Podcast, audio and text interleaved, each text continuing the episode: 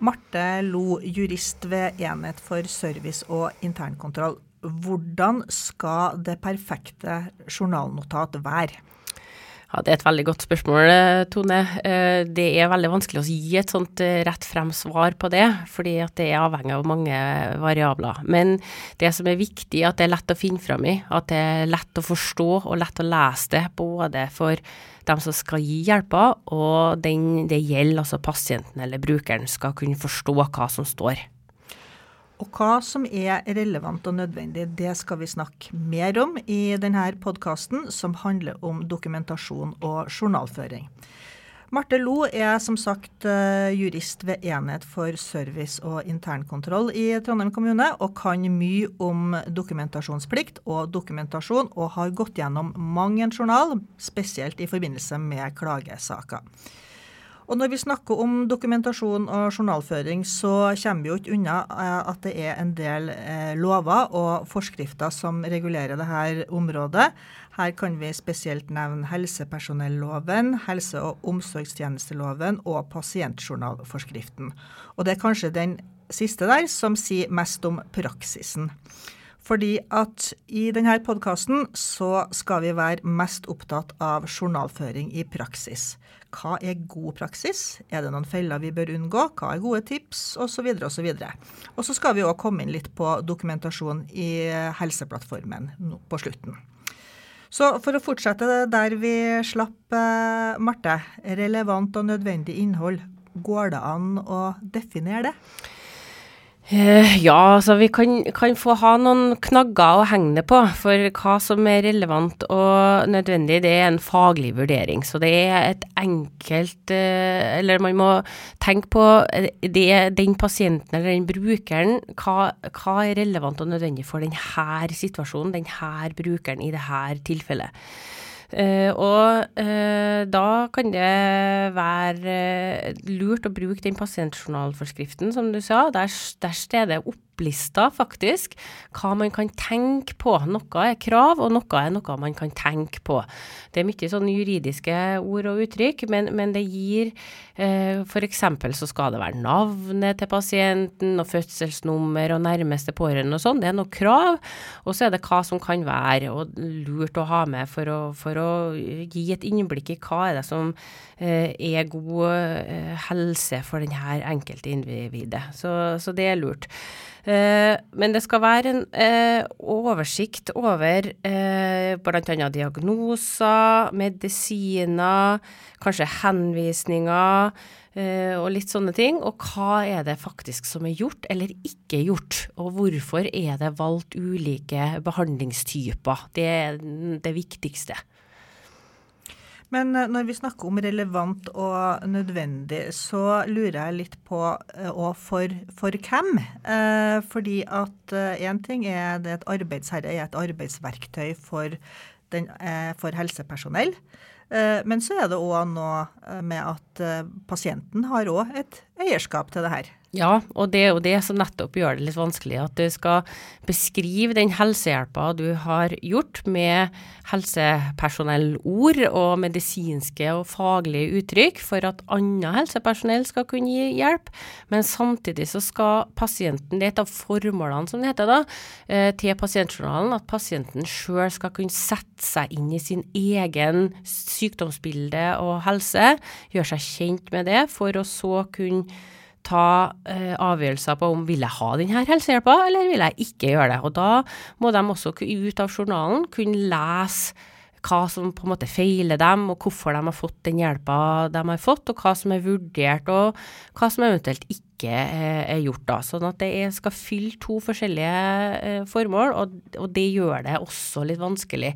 Så, så noen ganger så kan vi se at eh, det kan, det kan også være oppdelt litt, f.eks. at det er faglig uttrykk på én bit, og så er det litt mer folkelig skrevet for, for pasienten litt lenger ute i journalen, f.eks. Det kan være også en løsning. Mm. Så man, her må man på en måte ta hensyn til, til begge, begge, deler, sånn at pasienten også forstår hva ja, det er som det, står der. det er veldig viktig. For det er jo eh, Ja, det er riktig at det er helsepersonell sin journal, men det kom jo et skifte, da. Eh, det var jo en lov, lovendring fra at det, pasientrettighetene er styrka i Norge nå. Eh, og det er pasientens eiendom. Uh, og det er også dem som har muligheten til å både si om Hvis det står noen ting der som, som de syns er belastende, f.eks., eller som er urettferdig, eller eh, som, som, oppleves som krenkende, så har de en rettighet til å, til å få det retta, eller også sletta uh, etter lovverket. Så, så, vi må tenke gjennom hvordan vi skriver, for det er som i åpen bok, og vi må tenke på at det er nesten som et postkort som vi sender. Så, men, men, det kan jo bety at, uh, at, eh, vi kanskje må velge litt andre ord av og til. Fordi at uh, f.eks. unngå eller forklare medisinske faguttrykk eller sånne ting. Ja, og det er ikke bestandig nødvendigvis at det trenger å være en del av journalen, det med forklaringer. Men vi skal i hvert fall være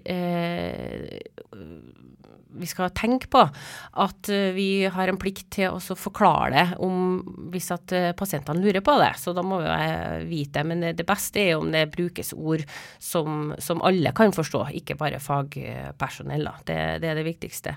Og så, ja. Eh, hva er de vanligste fellene vi går inn når vi skriver journal? Det er vel de fleste, eller det er to feil da, sånn hovedsakelig. Det ene er at man skriver for mye, eller at det blir for uoversiktlig. At det blir som en prosatekst. At man skriver og skriver og skriver, og skriver, og alt mulig rart står der, og så går det ikke an å finne ut hva er det faktisk som er gjort her. Eh, og man må lese både over eh, og under og på sida og mellom linjene for å forstå hva det faktisk som er gjort. Eh, en annen feil, kan man kalle det i gåseøynene, det er at det står for lite eller ingenting. At det ikke er journalført noe i hele tatt, eller at det står f.eks. For en forkortelse med UA. Og da eh, Og det betyr Ja, det kan jo bety mye, det. Men i, i, stort sett så betyr det uten anmerkning, da, for oss som er vant til å tolke det her. Men eh, det er jo ikke pasienten vant til å tolke det, f.eks. Men for å stoppe litt ved det med, med langt eller kort, går det an å si noen ting om hva er den eh, riktige, eh, riktige lengden, skulle du si? Nei, fordi at det, det er jo, da er vi tilbake på dette her som er relevant og nødvendig igjen. Eh, sånn at noen ganger så kan det være viktig å også skrive noenlunde langt òg, så lenge at innholdet er relevant og nødvendig. Men alt som ikke har betydning for helsehjelpa, det som er av utenforliggende eh, alskens ting, om det var rotete i leiligheten, eller om eh, det lukta fælt, eller sånne ting, det har kanskje ikke betydning, og det trenger ikke å være en del av journalen. Men at man har vært inn og skifta bandasje på et sår, det har selvfølgelig betydning, og det har noe i journalen å gjøre. Nå snakka vi litt om, eh, om, eh, kort eller langt. Eh, er det andre typiske gjengangerting? Det er jo ofte bruk av språk. At det skrives, som, som vi var inne på her, med forkortelser. Både av ord eller av medikamenter eller den type ting, som kan være vanskelig å forstå. Eh, og så kan det være skrevet på et språk som Eller forkortelser, ja, var vi inne på. Eller dialekter, eller eh, litt svensk. Kan, nå er det åpning for at vi kan få lov å skrive litt på svensk, eh, men, men, det bør være norsk og fulle setninger for at, for at vi skal måte kunne sette det her i sammenheng. Eh, så det, det, det, er det vanligste eh, som, er, som fremgår av journalene. Så unngå forkortelser, eh, og skriv hele setninga. Ja, det er det beste. Mm. Men så har vi da Man skal beskrive noen ting. Og det kan være at du skal beskrive en person som er rusa på, eller noe i den dur. Eh, og hvordan gjør man det på en eh, måte som ikke er belastende for som for for pasienten? Jeg bruker å si når jeg får spørsmål om ja, hvordan skal vi skrive det her, da, så er det litt sånn Men hva, hva har du likt å lese om deg sjøl? Har du likt å lese om din syke mor eller ditt syke barn, eller noen du kjenner godt? Hvordan ville det ha vært for deg å lese om de var f.eks. kanakas eller dritings? Hadde det vært ok å lese noen ting om? Nei, kanskje ikke. Kanskje det går an å skrive det på en annen måte, at de var berusa. Det er et helt legitimt, uh, fint ord. Uh, og mange av uh, pasienter og brukerne bruker ord sjøl, og da er det jo selvfølgelig greit å bruke dem, hvis at de er på en måte man omforent eh, med det. Eh, mange sier jo om seg sjøl at de var fulle og sånn. Ja, da er det nå kanskje greit, men eh, bare tenk over det. Hva, hva er greit å, å, å lese? Og så er det også ikke bruk altfor vanskelige ord, da. Sånn som hvis at du, de, vi er tilbake på det her med å være litt, litt full eller sånn berusa, da. Så er det sånn ja, i en tilstand som ikke var, og, og så bruker man masse runde ord, ja. så er vi over på, på, noe annet igjen. Så det er å finne den balansegangen som, som som er nyttig, da. Mm. Det handler vel kanskje litt om å finne uh, litt nøytrale ord. Ja, det, det, det, her med at jeg var inne på at det, det ikke er belastende. Eh, spesielt i eldreomsorgen så er det jo det her med at man f.eks. Eh, så finner jeg ofte i journaler så er det at man griser med avføring. Eh, og det kan jo være litt belastende. Kan man finne andre måter å skrive det på? At man eh, ikke at man griser, sier man den samme om at man griser med maten? Nei, kanskje ikke. Så kanskje man må tenke på situasjonene Eh, og bruke ord som gjør at det er eh, bedre å lese det for, for, eh, både den som mottar det, og den som skal gi helsehjelp også. fordi det er noe med å legge noen føringer for egne vurderinger oppi det. Jeg mm. syns at det her er ubehagelig. Ja vel, det får du lov å synes, men ikke uh, skriv det i journalen. Mm. Så du skal ikke mene og synse så mye sjøl? Nei, det, det, kan vi gjøre. Vi har lov til å på en måte debrife med kollegaer og synes at både det og andre er festlig og trasig, men, men det har ikke noe i journalen å gjøre. Men nå kommer jo du med et sånt uh, konkret eksempel i stad. Uh, griser med avføring. Ikke at vi skal fordype oss så veldig i det, men, men hva kunne man ha skrevet da på en litt mer nøytral måte? Det kunne ha vært at man bare Jeg trenger ikke å si at man har grisa med det, men at det har vært observert, eller at man, fant, at man så at det var avføring på uh, møblene, f.eks. Så har man beskrevet og en observasjon uten at man har vurdert den uh, som er det ene eller det andre sånn subjektivt. Mm. Så, så, en objektiv beskrivelse av de funnene man har, er egentlig det som er passe. Så observasjoner, det man ser der og da, ja. er liksom det man skal beskrive. Ja. Mm. Eh, travelhet i hverdagen, det kjenner vi jo til. Og det, eh, er det noe som eh, Kan det få konsekvenser for måten vi dokumenterer på? At det kanskje f.eks. blir veldig kort? Eller? Ja, absolutt. Eh, og det er jo en av de tilbakemeldingene som jeg får oftest når jeg er rundt og snakker om det her temaet, som jeg jo gjør ganske ofte, heldigvis. Eh, så er det at ja, men, men det å skrive, det, det, står jo i veien for å gi helsehjelpa. Eh, ja, det, det, kan man tenke, eh, men det er litt sånn todelt. Man har en plikt på seg til å skrive.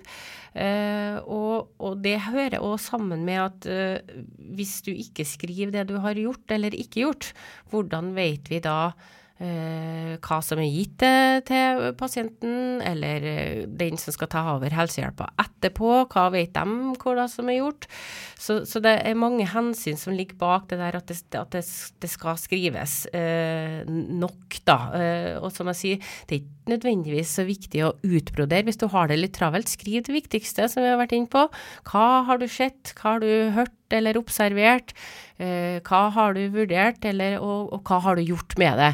Og så, hvis at du kommer tilbake til en senere og kan utbrodere det med mer, så, så, så, kan man på en måte gjøre det. Men i utgangspunktet så, så skal jo det her føres eh, etter at helsehjelp er gitt eh, ved dagens ende. da. Eh, men, men, hvis man har det travelt, så kan man ta liksom, hovedpunktene, sånn at man, de neste som skal gi hjelpa, har noe å ta tak i. Nettopp. Uh, Nå er det noe, Du underviser jo mye om det her. og Er det noen tips, noen huskeregler som uh, kan være sånn gode å ha i bakhodet for den enkelte ansatte som skal føre journal? Ja, og det, det var jo innpå. Det er jo herre Hvis du har noen huskeregler, altså hva har jeg sett eller hørt eller observert? Hva er det her eh, vurdert i forhold til det? Eh, og hva har jeg gjort med det, eventuelt ikke gjort med det. For det er også veldig viktig å få fram at uh, hvis du fraviker fra det som heter prosedyrer eller uh, sånne type ting, da, så er det òg viktig at det framgår. Og gjerne noen ting om hvis det har vært alternative muligheter, hvorfor du har valgt det ene eller det andre. Eh, og hva den begrunnelsen er. Eh, for da eh, tar man en, kan man gå videre, og, og hvorfor det her er gjort, og, og, velge videre helsehjelp i forhold til det. Godt det som bygger opp under det som heter forsvarlighet, da. Mm. Jeg vet at du er med også som fagekspert i arbeidet med Helseplattformen. Og da kan det jo være relevant å snakke om hvordan det blir med dokumentasjon eh, når vi skal ta Helseplattformen i bruk. Ja, eh, vi jobber jo veldig mye med at det skal bli mer strukturerte journaler. Vil si at det er mindre fritekst. I dag i, i, så har vi veldig mye journaltekst, og vi skriver og vi skriver og vi skriver. Og det var jo litt i det som vi var inne på, at ja, det tar mye tid. Så, så, det er jo både et av målene og forhåpningene at vi skal få mer strukturert, at, at, det er mye mer som går automatisk, og mindre fritekst. Men vi vil ha muligheten for fritekst. Og da får vi også noen hjelpemidler i fritekstfeltene som heter smarttekst. Uh, hvor det hentes inn litt sånn forhåndsdefinerte maler og, og, hjelp og stikkord som, som, vi har vært inn på i dag, uh, som ligger i lovgrunnlaget i pasient- og journalforskriften. Hva man kan tenke på når man skal journalføre. Og vi har jo mye i, i dag òg, i sånne sjekklister og Eh, og mm, stoppunkter som man, man, skal gjennomføre. Men det blir mye mer strukturert og, og skal være lettere å på en måte fylle ut. Eh, sånn at den her gode, gamle Cardex-rapporten hvor man skriver fra A til den, den prøver å komme litt bort ifra eh, med Helseplattformen. Så, og, og, det her spesielt med legemidler og medisinlister, de vil være til enhver tid oppdatert og i sanntid. Eh, så det håper vi at òg blir, blir bedre. Men eh, blir det da så enkelt skulle si, at det nærmest går av seg sjøl, at man ikke trenger å, å, tenke på de tingene som vi har, uh, har snakka om, uh, om, nå, at det blir bare å liksom fylle ut? Nei, det vil aldri være en, en ren avkrysning når man skriver en uh, pasientjournal. Det vil alltid være en vurdering inn i det, fordi at man må også beskrive eventuelt hvorfor eller hva man har lagt grunn på når man har gjort ulike vurderinger. Og det vil du aldri kunne få i en sånn avkrysningsboks. Vi må også snakke om journalføring på oppvekstområdet, for eh, det er jo en del spesielle problemstillinger nettopp fordi det er snakk om barn. Og hva er det som hører hjemme i barnet sin journal, og, og ikke? Ja, og det her byr jo på en del problemer eh, i det praktiske livet. Og det er jo som eh, vi snakka om eh, tidligere, at det er det som er relevant for oppfølging for, for barnet. Eh, og så er det hva, hva, kan det være, og hva kan det ikke være. Det er jo ofte at det er foreldreproblematikk, bl.a. At eh, foreldrene kanskje snakker dårlig om den andre forelderen, eller at de spesifikt sier at det her ønsker jeg ikke at skal bli en del av barnets journal. Så, så må vi ta hensyn til det. For det handler også litt om innsynsrettighetene eh, i all, forskjellig aldersspenn fra, fra barnet sin del og for foreldrene sin del. Så man må huske på at uh, i enkelte perioder av, uh, av, barnets levealder så har de eh, foreldrene fullt innsyn, mens så kommer vi opp i en viss aldersklasse hvor barna også har innsyn i egen journal. Så det vil være avgjørende. Men sånn, eh, man kan jo si liksom på generell eh, grunnlag så, så, er det jo dette med, med, store konflikter bl.a. Eh, bør ikke inn i barnets journal hvis det er samlivsbrudd eller barnefordelingssaker eller den type ting. Så kan det være noe av en generell informasjon om det i barnets journal, men detaljene skal vi, skal vi unnlate å skrive. For det her kan barnet ha innsyn i når de blir voksen, bl.a. Du snakka litt om alder. Eh, når de kommer til en viss alder, så kan de vel også nekte eh, foreldrene innsyn? Ja, på barnesida så er det jo sånn at den helserettslige myndighetsalderen den er 16 år. Så fra det tidspunktet så har de full bestemmelsesrett over journalen sin til et visst punkt. Det er alltid noen unntak i dette her. Eh, hvis det er store avgjørelser, f.eks. et abort hjerteinngrep eller plastisk kirurgi eller den type ting, så kan de ikke bestemme at foreldrene ikke skal få vite. Men hvis vi snakker om litt mindre ting, sånn som f.eks. prevensjonsveiledning og at de ønsker p-piller og sånn, så har de full rett til å si det at foreldrene skal ikke vite det her, selv om de er da under 18 år. Så mellom 16 og 18 så, så har de egentlig full innsynsrett, og da, så da skal det spesielle tillatelser til. Mm. Jeg vet også at det er snakk om noen ting som kalles for generell journal på det området her. Kan du si litt om det? Ja, i dagens uh, system så har vi jo ikke noe plass uh, for å skrive denne, uh, det her som jeg snakka om som ikke hører hjemme i barnets journal. Det er informasjon om voksne som kanskje barnet ikke skal få innsyn i når de blir store nok til det, eller den andre forelderen ikke skal ha innsyn i. Og da har man på samtykke fra den foresatte oppretta en såkalt generell journal.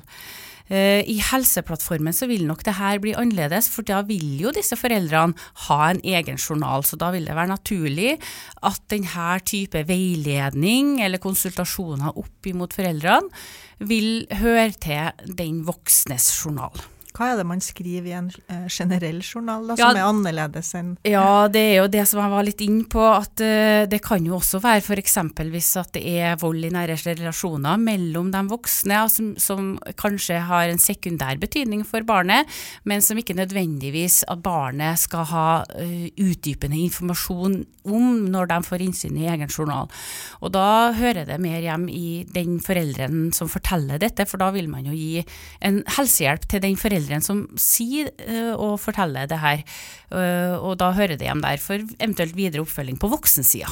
Jeg tenker at det der eh, høres ut som litt vanskelige vurderinger. Ja, og det er det. Og det er, igjen så kommer vi tilbake til denne faglige vurderinga over hva som hører hjem hvor. Uh, og det er veldig viktig at hvis det finnes denne type informasjon om foreldrene som, som ikke hører hjem i barnets journal, så at det finnes en, et spor av det i barnets journal, sånn at man kan finne igjen det. Uh, og det, det, er veldig mange spørsmål og undringer rundt akkurat dette her. Problemstillingene. Eh, men f.eks. Hvis, man, hvis man ser på, på det med, med svangerskap, så, så, er det jo eh, det som gjelder barnets liv. Og det, inn, det, kan være inn i journalen. Men så eh, kan det jo være f.eks. Det her med svangerskapsjournalen så eh, kan det jo være at det som har betydning, altså risikofaktorer i svangerskapet, det hører hjemme i journalen. Men hvis det er eh, mors helseplager eller mors bekymringer og sånn, så kanskje det nødvendigvis ikke gjør det.